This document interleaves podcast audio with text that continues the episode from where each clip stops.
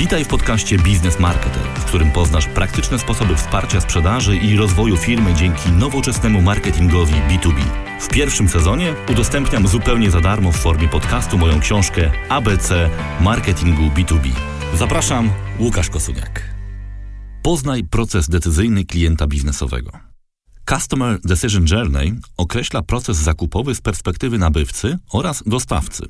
Tworzenie opisów ścieżek zakupowych klienta, czyli Customer Journey Maps, pozwala zrozumieć to, w jaki sposób przebiegają interakcje między osobami a zasobami zaangażowanymi w proces zakupu. Z tej części dowiesz się m.in. jakie są etapy procesu decyzyjnego klienta w B2B, jak rozpoznać ścieżki, którymi podąża klient. W organizacjach B2B tak zwana podróż klienta, czyli Customer Journey, jest bardziej skomplikowana niż w B2C, ponieważ w procesie decyzyjnym po stronie nabywcy bierze udział średnio około 6 osób, a w większych organizacjach może być ich nawet kilkanaście. Warto pamiętać, że Customer Journey jest częścią większego procesu zwanego Customer Experience, na który składa się całość doświadczeń nabywcy oraz użytkownika, również po zakupie. Customer Journey obejmuje część zakresu Customer Experience i skupia się na doprowadzeniu do decyzji zakupowej. Customer Experience jest y, całością doświadczeń klienta z marką oraz produktem i obejmuje również etap użytkowania po zakupie. Customer Journey z perspektywy klienta. Podczas tworzenia mapy procesu zakupowego klienta warto zidentyfikować następujące elementy: wyzwalacze, zdarzenia lub procesy, które sprawiły, że klient zaczął rozważać zakup produktu, na przykład podtopienie magazynów lub wzrost kosztów obsługi zaległych faktur. Na tym etapie zaczyna się zazwyczaj research, który może doprowadzić do zainteresowania produktem. Źródła informacji. Ponieważ z pewnością zależy Ci na tym, aby research doprowadził klienta do informacji o Twojej ofercie, musisz zdobyć wiedzę o tym, gdzie klient poszukuje informacji. Czy są to media? Jeśli tak, to jakie? Czy konferencje, szkolenia, a może firmy doradcze, organizacje branżowe i tym podobne. Decydenci.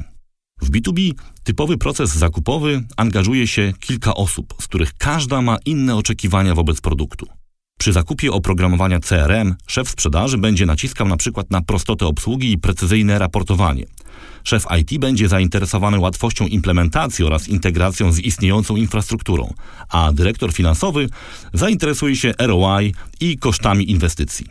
Każda z tych osób powinna zostać uwzględniona na mapie procesu sprzedaży.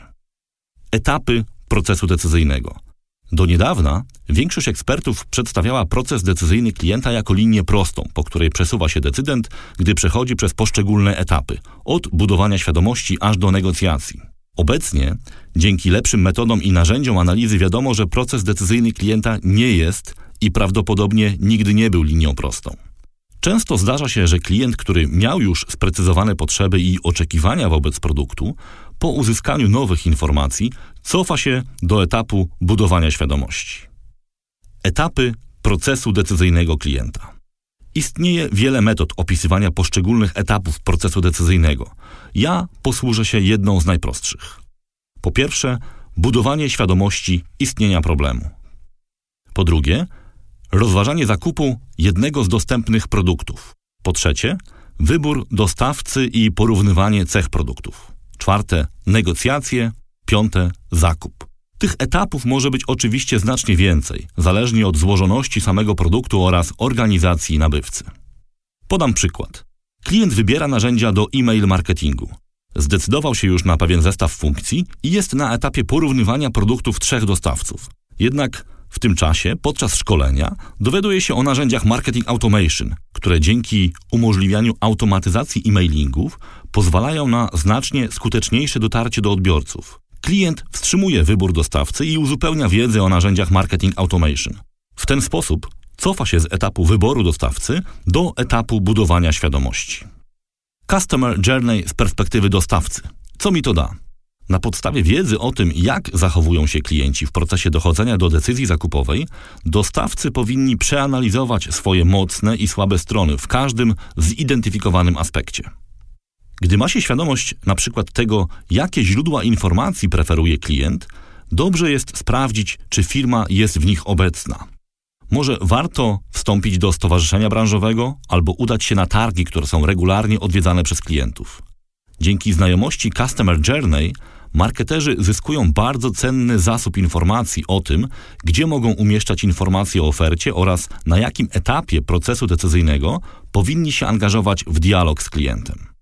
Wiele organizacji po przeprowadzeniu analizy ścieżki zakupowej orientuje się, że zaczynało się komunikować z klientami zbyt późno. Nie były one widoczne dla klienta na etapie budowania świadomości, na którym nie szuka on jeszcze produktu, ale raczej próbuje rozwiązać konkretny problem.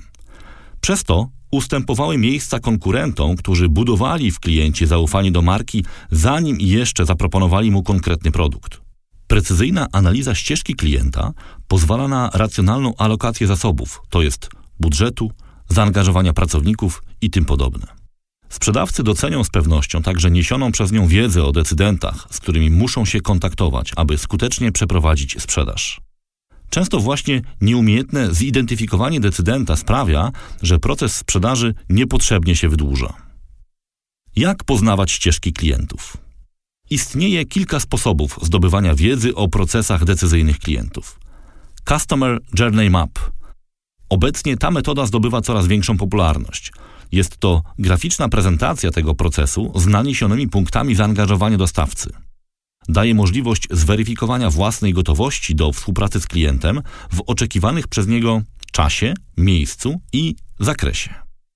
Taka mapa może określać rodzaj zasobów, jakie powinny być dostępne. Są to na przykład treści, budżety, narzędzia czy wreszcie specjaliści.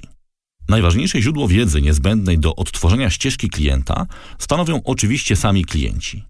Uzyskane od nich informacje są najcenniejsze i powinieneś je zdobywać tak często, jak to tylko możliwe. Buyer persona.